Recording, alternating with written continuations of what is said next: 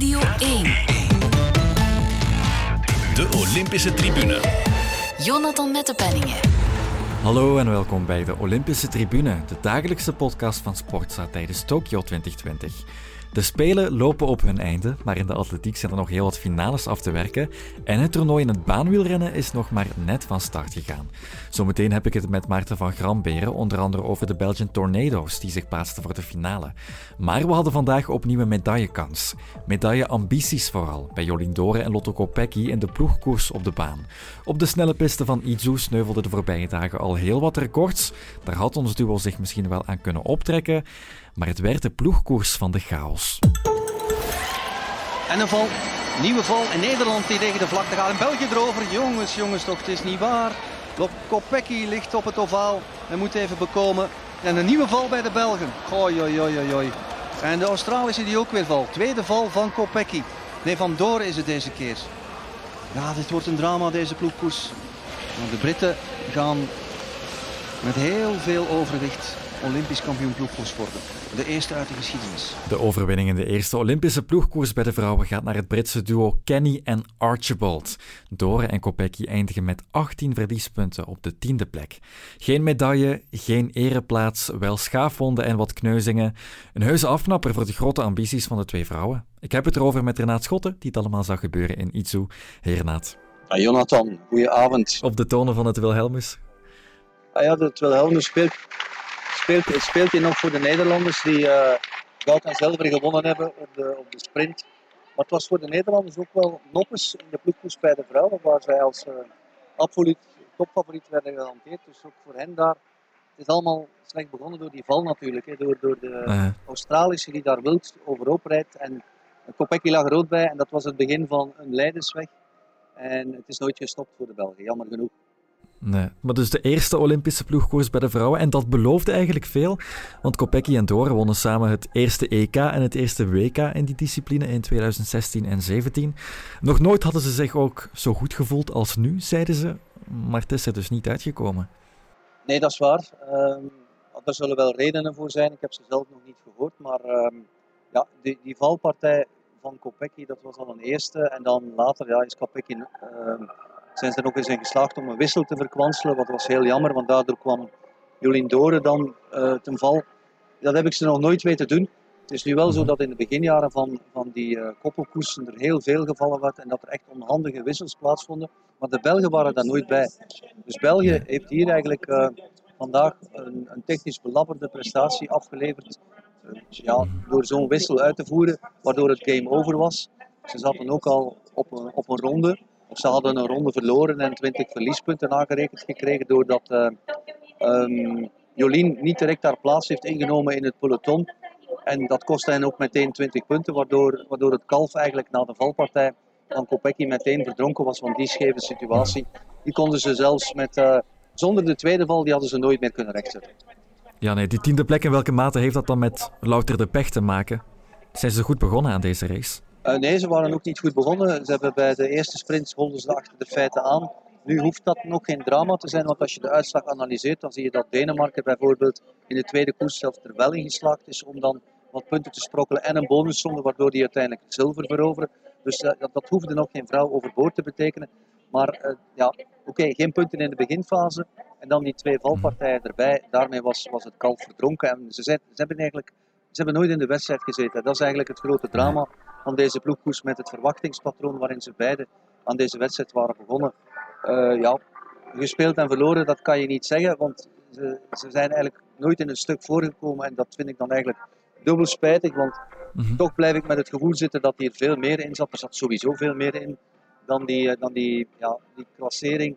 Maar goed, het enige wat telde was een medaille en daar zijn ze vandaag mijlenver kilometers ver van verwijderd gebleven. Het is niet anders. Nee, ze waren nogthans perfect voorbereid, dat zeiden ze. En waar ze vroeger wel wat tactische foutjes maakten, hadden ze nu een plan klaar liggen. Maar ook voor de pech vroeg ik me dan toch af wat dat plan dan was. Want daarvoor zouden we ze zelf moeten horen, natuurlijk.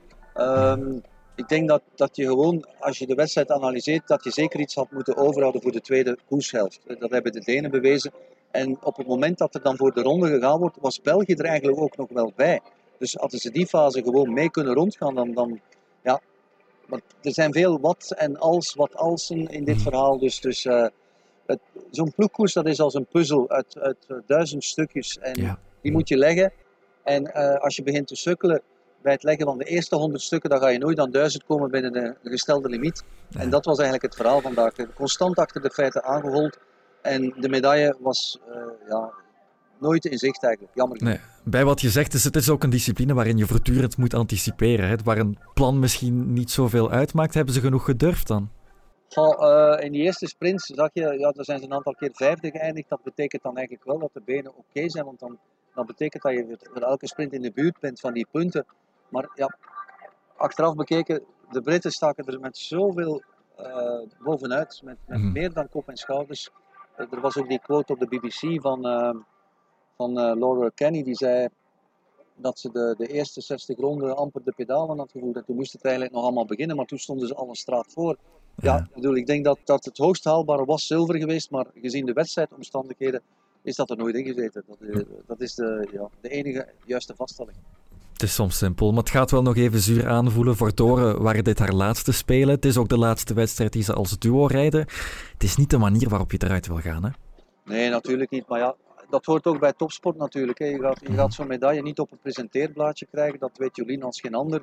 Ze heeft eh, vijf jaar geleden België een fantastische bronzen medaille eh, bezorgd op het eh, vrouwenomnium. Ehm, dat moet ze onthouden van haar Olympische carrière. En het is nog niet gedaan. Ze gaat nog een WK in eigen land rijden. Ze gaat nog ook Parijs-Roubaix doen. De eerste Parijs-Roubaix voor vrouwen. Een wedstrijd die haar op het lijf geschreven is. Ehm, ja, dat is ook topsport. Als je dan een ontgoocheling oploopt, schakelen en meteen uitkijken naar volgende doelen. Ook al zijn het er in het geval van Doren natuurlijk maar een, paar meer. Voilà, maar het kan wel nog rechtgezet worden. Kopecky had vandaag waarschijnlijk de teleurstelling uit de wegrit willen wegspoelen. Dat is ook niet gelukt. Maar overmorgen treedt ze nog aan in het Omnium. Valt er daar misschien nog wat te halen voor haar?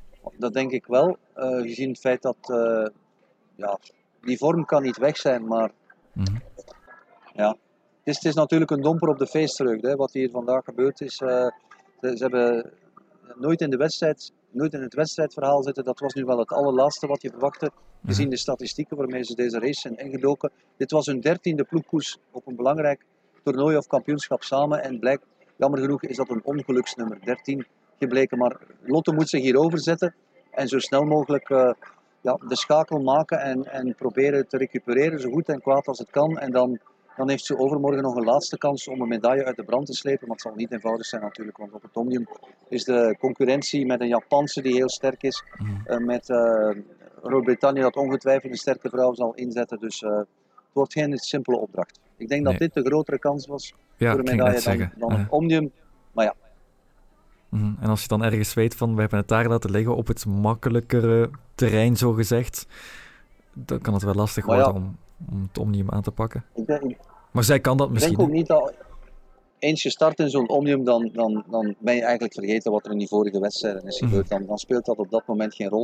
Het zijn vier onderdelen, je moet gewoon in die vier onderdelen zorgen dat je, dat je bij de pinken bent, dat je presteert, dat je ook een klein gelukje hebt bij de afvalling, dan kan je wat tegenslag hebben. Eh, ze heeft in het verleden al sterke omniums gereden. Ja. Ze rijdt een super seizoen. Ja, die, die vorm kan niet weg zijn, denk ik. Dus eh, hopen op het beste in het omnium. Voilà. Morgen komen ook Kenny de Ketelen en Rope Gijs eh, in actie, de- ook in de ploegkoers. Hopen op minder chaos en een dichte ereplaats. Maar die chaos, die, die, als er al chaos is, dan gaat die anders zijn dan vandaag. Want eh, die, wat die Australische eigenlijk deed, dat, heeft, dat is wedstrijd bepalend geweest. Hè. Dus eh, Mhm. verwacht zo'n actie niet bij de mannen. Ga je, ga je toch vloeiendere aflossingen zien dan wat we hier vandaag gezien hebben bij de, bij de vrouwen. Het is een beetje jammer dat de, vrouwen, de eerste vrouwenploegkoers op die manier ontsierd is geworden. Ja, eh, Want dat was het handelsmerk van die eerste kampioenschappen. En we waren daar nu eigenlijk al een paar kampioenschappen van verlost. Ja, het is terug naar af geweest voor de, de koppelkoers bij de vrouwen op olympisch niveau. Bij de mannen denk ik dat we ook weer een reële kans hebben op, op eh, een medaille. Simpelweg door, doordat ploegkoersen nu eenmaal een Belgische specialiteit is. En we hebben daar twee Mhm. jongens die er alles aan gedaan hebben om zo goed mogelijk voorbereid te zijn. En we kunnen alleen maar het beste hopen. En de Ketelen, ik denk ook dat zijn omnium niet echt een maatstaf was voor zijn mogelijke prestatie in de ploegkoers. Ik denk dat hij vrij snel daar op reserve is gaan rijden. En dat hij totaal gerecupereerd aan de start zal komen van zijn eh, koppelkoers met uh, Robbe Gijs. En dan, ja, die jongens hebben in het verleden al eh, mooie uitslagen gereden. Zijn Europees kampioen geworden Ja. in Glasgow. Ze kunnen winnen, maar ze kunnen ook twaalfde worden. Dat is nu eenmaal de wet, de keiharde wet van de ploegkoers. Zoals vandaag. Dat, dat heb je in die ploegkoersen. Ja. Maar goed, een kans op een medaille. Zoals je zegt, dan kijken we daar uh, zeker naar uit. Maar een teleurstelling voor Jolien Doren en Lotte Kopecky vandaag. De medailleambities werden geblokkeerd door twee valpartijen. Kopecky kan het wel nog rechttrekken, want zij start zondag in het Omnium. Heel erg bedankt, Renat Schotten. Met plezier, Jonathan. Radio 1. Sportza. En dan is er ook weer wat te bespreken in de atletiek, want de Belgian Tornadoes hebben zich geplaatst voor de finales in de 4x400 meter. De Tornado's gaan zich weer plaatsen voor de finale. Dat kunnen we eigenlijk al zeggen. Want die vierde plaats is uh, ver weg. De eerste drie geeft een uh, ticket voor de finale. Jonathan Borlée. Net als bij de mixed geeft hij een heel goede indruk. Kan hij de wedstrijd ook winnen? De pol valt hem aan. Die gaat oh, hij begint uh, een beetje te hinken. Hij gaat de derde worden allicht. Jonathan Borlée kan die tweede plaats niet vasthouden. Hij wordt derde. Maar dat is goed genoeg. En uh, hij heeft een uh, lichte blessure. Ai, ai, ai, ai, ai. In de hamstring, daar gaan we weer. Het zag er heel goed uit, gestaag naar voren geklommen en de eerste plaats gestabiliseerd tot slotloper Jonathan Borleets in de hamstring voelde. Geen drama, want met de derde plaats gaan we ook naar de finale, maar toch een domper op de feestvreugde. Ik heb het erover met Maarten van Gramberen vanuit het Olympisch Stadion. Hoi Maarten. Hey, dag Jonathan. De tweeling sukkelt op hetzelfde moment met gelijkaardige blessures. Jacques Borlée heeft nog toch tot nu toe wat kunnen jongleren met zijn zonen in de opstellingen. Maar dit wordt toch weer een beetje moeilijk. Goh ja, het is, het is vooral heel erg voor, uh, voor Jonathan Borlée. Hè. Die mm. is al uh, het hele seizoen lang echt op de sukkel. Eerst had hij dan een hernia, dan was het uh, de hamstring die vervelend deed, dan de Achillespees. En nu terug de hamstring. En het is zelfs zo erg dat hij nog geen enkele individuele 400 meter heeft gelopen. Dit seizoen. Hij heeft wel uh, de reeksen gelopen uh, bij de mixed relay en nu daarnet ook. En ja, het was toch wel heel straf wat hij gedaan heeft. Want hij vertelde tegen zijn, uh, tegen zijn ploegmaat achteraf dat hij dus na 200 meter al pijn voelde ja. in zijn hamstrings. En dan heeft hij toch nog 200 meter doorgelopen. Je zag er nauwelijks iets van, behalve in de laatste 20 meter voel je hem helemaal stilvallen en naar zijn hamstring grijpen.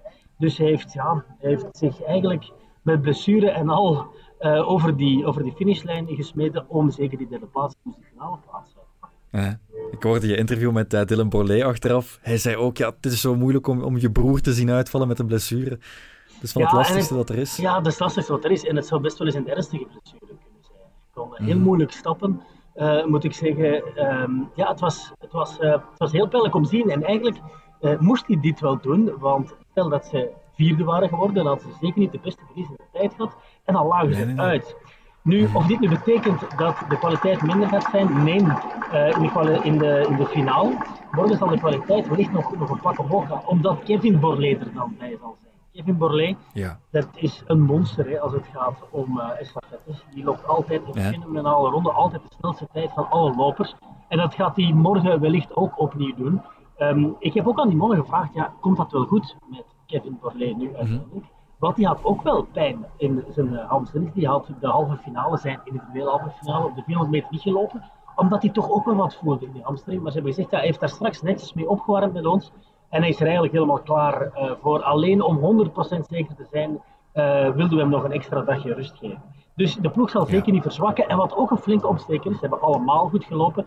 Maar zeker ook Jonathan Sakko. We hebben de splittijden eens bekeken, dat was 44-1. Ja. Dat zijn vliegende starten natuurlijk. 44-1, dat, is, dat is vliegende start natuurlijk. Hè. Dat, dat, je bent in beweging, dus dat, dat, kan je niet vergelijken met een gewone 400 meter. Maar um, hij maakte zich toch echt wel zorgen na zijn uh, halve finale. Waarin hij volledig werd weggelopen, als laatste eindigde een tijd hoog uh, in de 45.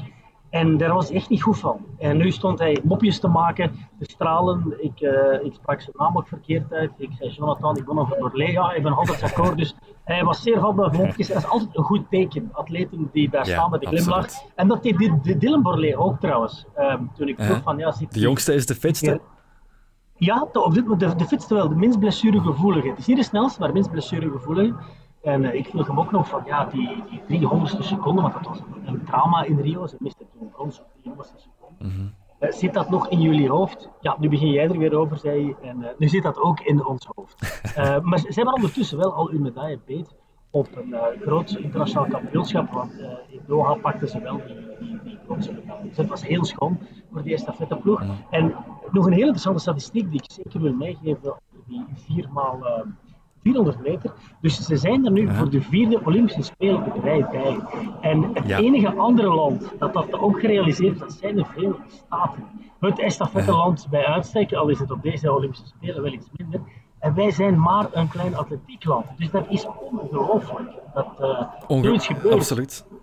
En ik had het ook opgeschreven, ik wil het aan jou voorleggen, maar eh, je, je, weet het zelf ja, al. Dus. Sorry, ja, ja, ik, ik, ik, blijf, maar, blijf maar doorrazen uh, als ik iets geweldig interessant vind. Maar dat is dus dat is ontzettend opvallend, hè, Jonathan, dat je dat doet en plaatsvindt. En vooral, en vooral in de 400 meter. Uh, je ziet heel vaak 400 meter lopers die wel een korte periode top zijn, maar die dan weer verdwijnen, omdat het fysiek en ook mentaal een, een enorm belastend nummer is. Maar je altijd ook op mhm. training moet flirten met dat melkzuur dat in jouw lichaam zit. En Charles Borlée is daar ongelooflijk goed in om toch variatie te brengen in zijn trainingen, om andere dingen te proberen, om die mannen gemotiveerd te houden. Want als je altijd met dezelfde trainingen zou uitpakken, 12 jaar aan een stuk, er is niemand die dat volhoudt. En dat doet hij niet. Vorig jaar hebben ze met een Franse sprinttrainer gewerkt. Oké, okay, had niet het beste resultaat, maar ze doen dat wel. En dat zorgt voor iets fris, dat zorgt voor een prikkel.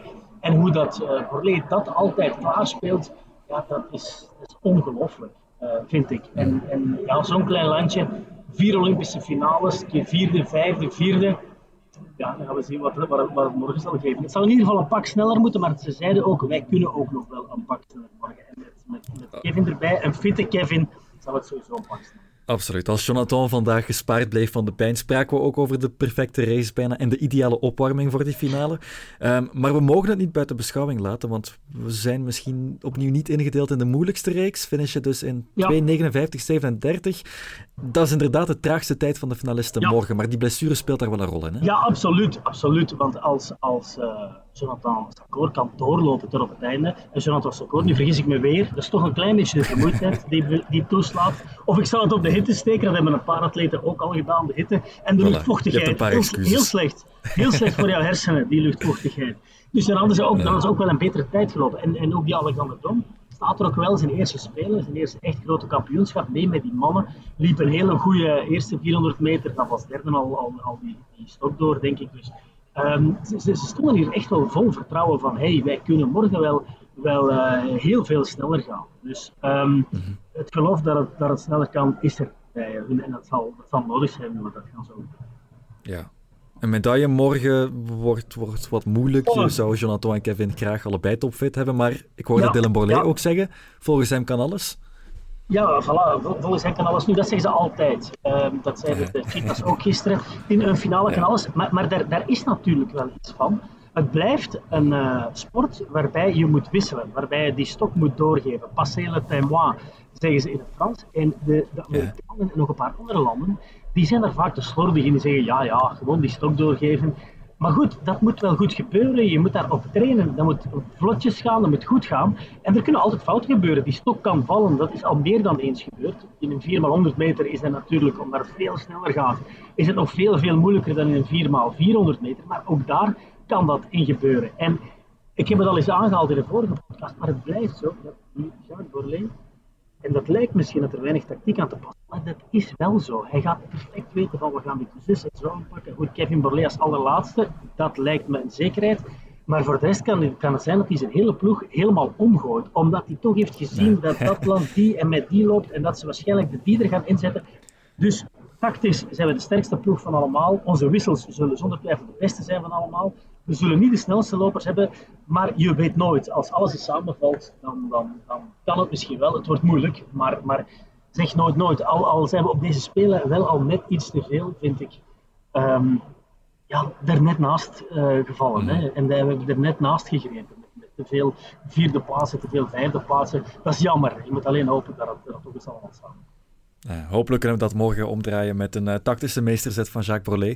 Um, maar wie we hier nog een beetje willen volgen is het fenomeen Sifan Hassan. Ja. Won al goud op de 5000 meter, wilde ook winnen op de 1500 en de 10.000 meter om die gouden triple te, te volmaken. Um, maar haar tweede finale is net gelopen en ze haalde maar brons op de 1500 meter. Ja, ja, maar brons. En ergens hoop je dat zoiets kan. Uh, dat ze het toch doet, omdat dan heb je, dan heb je echt een opvolger voor Usain Bolt, hè, dat is gewoon zo. Die pakte ook drie keer goud op de Spelen. En Hmm. eh, dat was nog nooit eerder gebeurd. En als je dat dan kan doen, ja, dan is dat fenomenaal. En het geloof was er toch wel ergens van. Ze was zo goed ehm, in de voorbije wedstrijd dat hij denkt, ja, als iemand het nu zou kunnen, dan is zij het wel om, eh, om het toch te doen. Maar ehm, het is dat toch niet gelukt. Ik, had ze heel graag geïnterviewd, maar ze kwam hier, ze moet morgen dus die finale al lopen van de 10.000 meter, dus ze had heel weinig Over minder dan collega's. 24 uur, dacht ik. Ja, over minder dan 24 uur, minder dan 24 Ja. uur. Ze is naar eh, onze collega's uh, toegesprint van de NOS. En daar heb ik nog net een paar berichtjes kunnen sturen met Jurist Stekelenburg. Eh, ze zei dat ze toch heel blij was met brons. Dus eh ik Ah, toch. maar beetje faken, eh, dat je moet blij zijn met brons. Maar heel blij was met brons. Ehm, en het enige verwijt, maar dat had men ook gevraagd, dat is ze dan toch niet veel te snel van start gegaan. Maar ze liep op die manier ook het WK in Doha, waar ze de 1500 won en waar dus ook de 10.000 meter won. Want ik vond dat ze heel veel tekeer ging. Maar ik begrijp het tactisch wel, want die Kipyego, de Keniaanse die uiteindelijk gewonnen heeft, die, ehm, die is iets, net iets sneller nog. Eh dus net iets meer 1500 meter lopen nog dan Stefano Van, die is sneller. En zij wilde een uh, race maken, de, de Keniaanse Kipyego afmatten om het dan af te maken in de laatste 200, 300 meter. Maar dat lukte niet. En uh, ook Murr kwam er nog over. Dus ja, is dat te veel hooi op je vork genomen? Misschien. Aan de andere kant is het al fenomenaal dat ze twee medailles heeft. En als ze er morgen nog een derde gaan bij. Terwijl ik nu kijk, Jonathan, naar de finish van de 4x100 meter bij de vrouwen, waar de Jamaicanen winnen voor de Amerikanen en voor de Britten. Uh, voilà. Dat kan ik nog snel, dat kan ik nog snel meegeven. Maar dus, de Jamaicanen, de Amerikanen en de Britten? Ja, zo, zo, is het. Ja, zo is het. Voilà, okay. helemaal ja. En, en wat ik er toch nog aan moet toevoegen, uh, aan het hele verhaal van Assad, ik vind het wel mooi dat ze dat doet. Maar dat, uh, mensen zeggen altijd dat kan niet en dat is te vermoeiend. Goed, de, de, omstandigheden zijn hier door het weer echt wel onwaarschijnlijk. Ze zou zes wedstrijden gelopen hebben. Dat is gewoon extreem veel, maar ze doen het tenminste. En in atletiek is al vaak geweest um, van als er uh, uh, dingen uh, niet kunnen, dan zegt iedereen ja dat is onmogelijk. Maar als ze dan toch gebeuren, dan kan het plots wel. En dan gaan mensen een totale barrière overstijgen. Het kon ook niet dat iemand uh, onder de 10 seconden liep op de 100 meter. Dat is ook uh, gebeurd. Ik denk dat het Belster was, die als allereerste op de mijl onder de 4 minuten liep. Dat was, werd voor onmogelijk geacht. En toen hij dat liep, kort daarna liepen er heel veel atleten daaronder. Dus ik vind het wel mooi dat ze dat durft en dat ze die ambitie heeft, uitspreekt en dat ze toch iets onmogelijk probeert.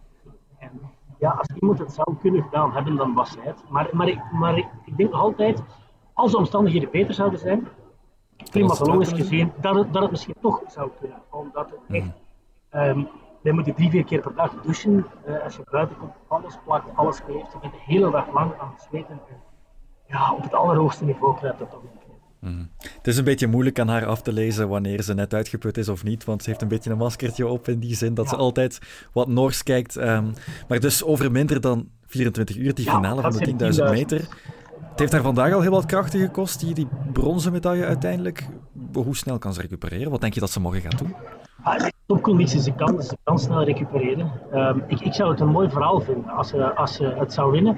Maar ik zou het ook gewoon een mooi verhaal vinden als ze um, een medaille zou pakken. Want dat is ook al uniek, mm. hè, om op die drie verschillende afstanden een Olympische medaille te pakken. En ze is al Olympische kampioen. Ze heeft op de 5000 meter heeft ze al haar medaille beet. Dus het blijft een van de allerstrafste verhalen van deze Olympische Spelen als ze het zou doen. Mm. Um, ze heeft er alles aan gedaan om zo, zo lang mogelijk te recupereren. Ze is hier echt uh, uh, aan 1500 meter tempo door de interviewzone gelopen waar wij nu staan. Snel gestopt bij de Nederlanders. En dan zei ze tegen iedereen tomorrow, tomorrow, tomorrow, tomorrow. Ja, het kan, het kan. Op de 10.000 meter lopen, op de 10.000 meter is zij in principe wel van de allersnelste in die laatste ronde. Dus als ze fris genoeg is om op te zijn, kan het. Voilà. Het kan en morgen gaat ze dan alles uitleggen. maar dus drie nummers om uh, met extra aandacht te volgen. Morgen de 10.000 meter bij de vrouwen en de 4x400 meter bij onze tornado's en onze cheetahs. Heel erg bedankt, Maarten van Gramberen. Dag Jonathan.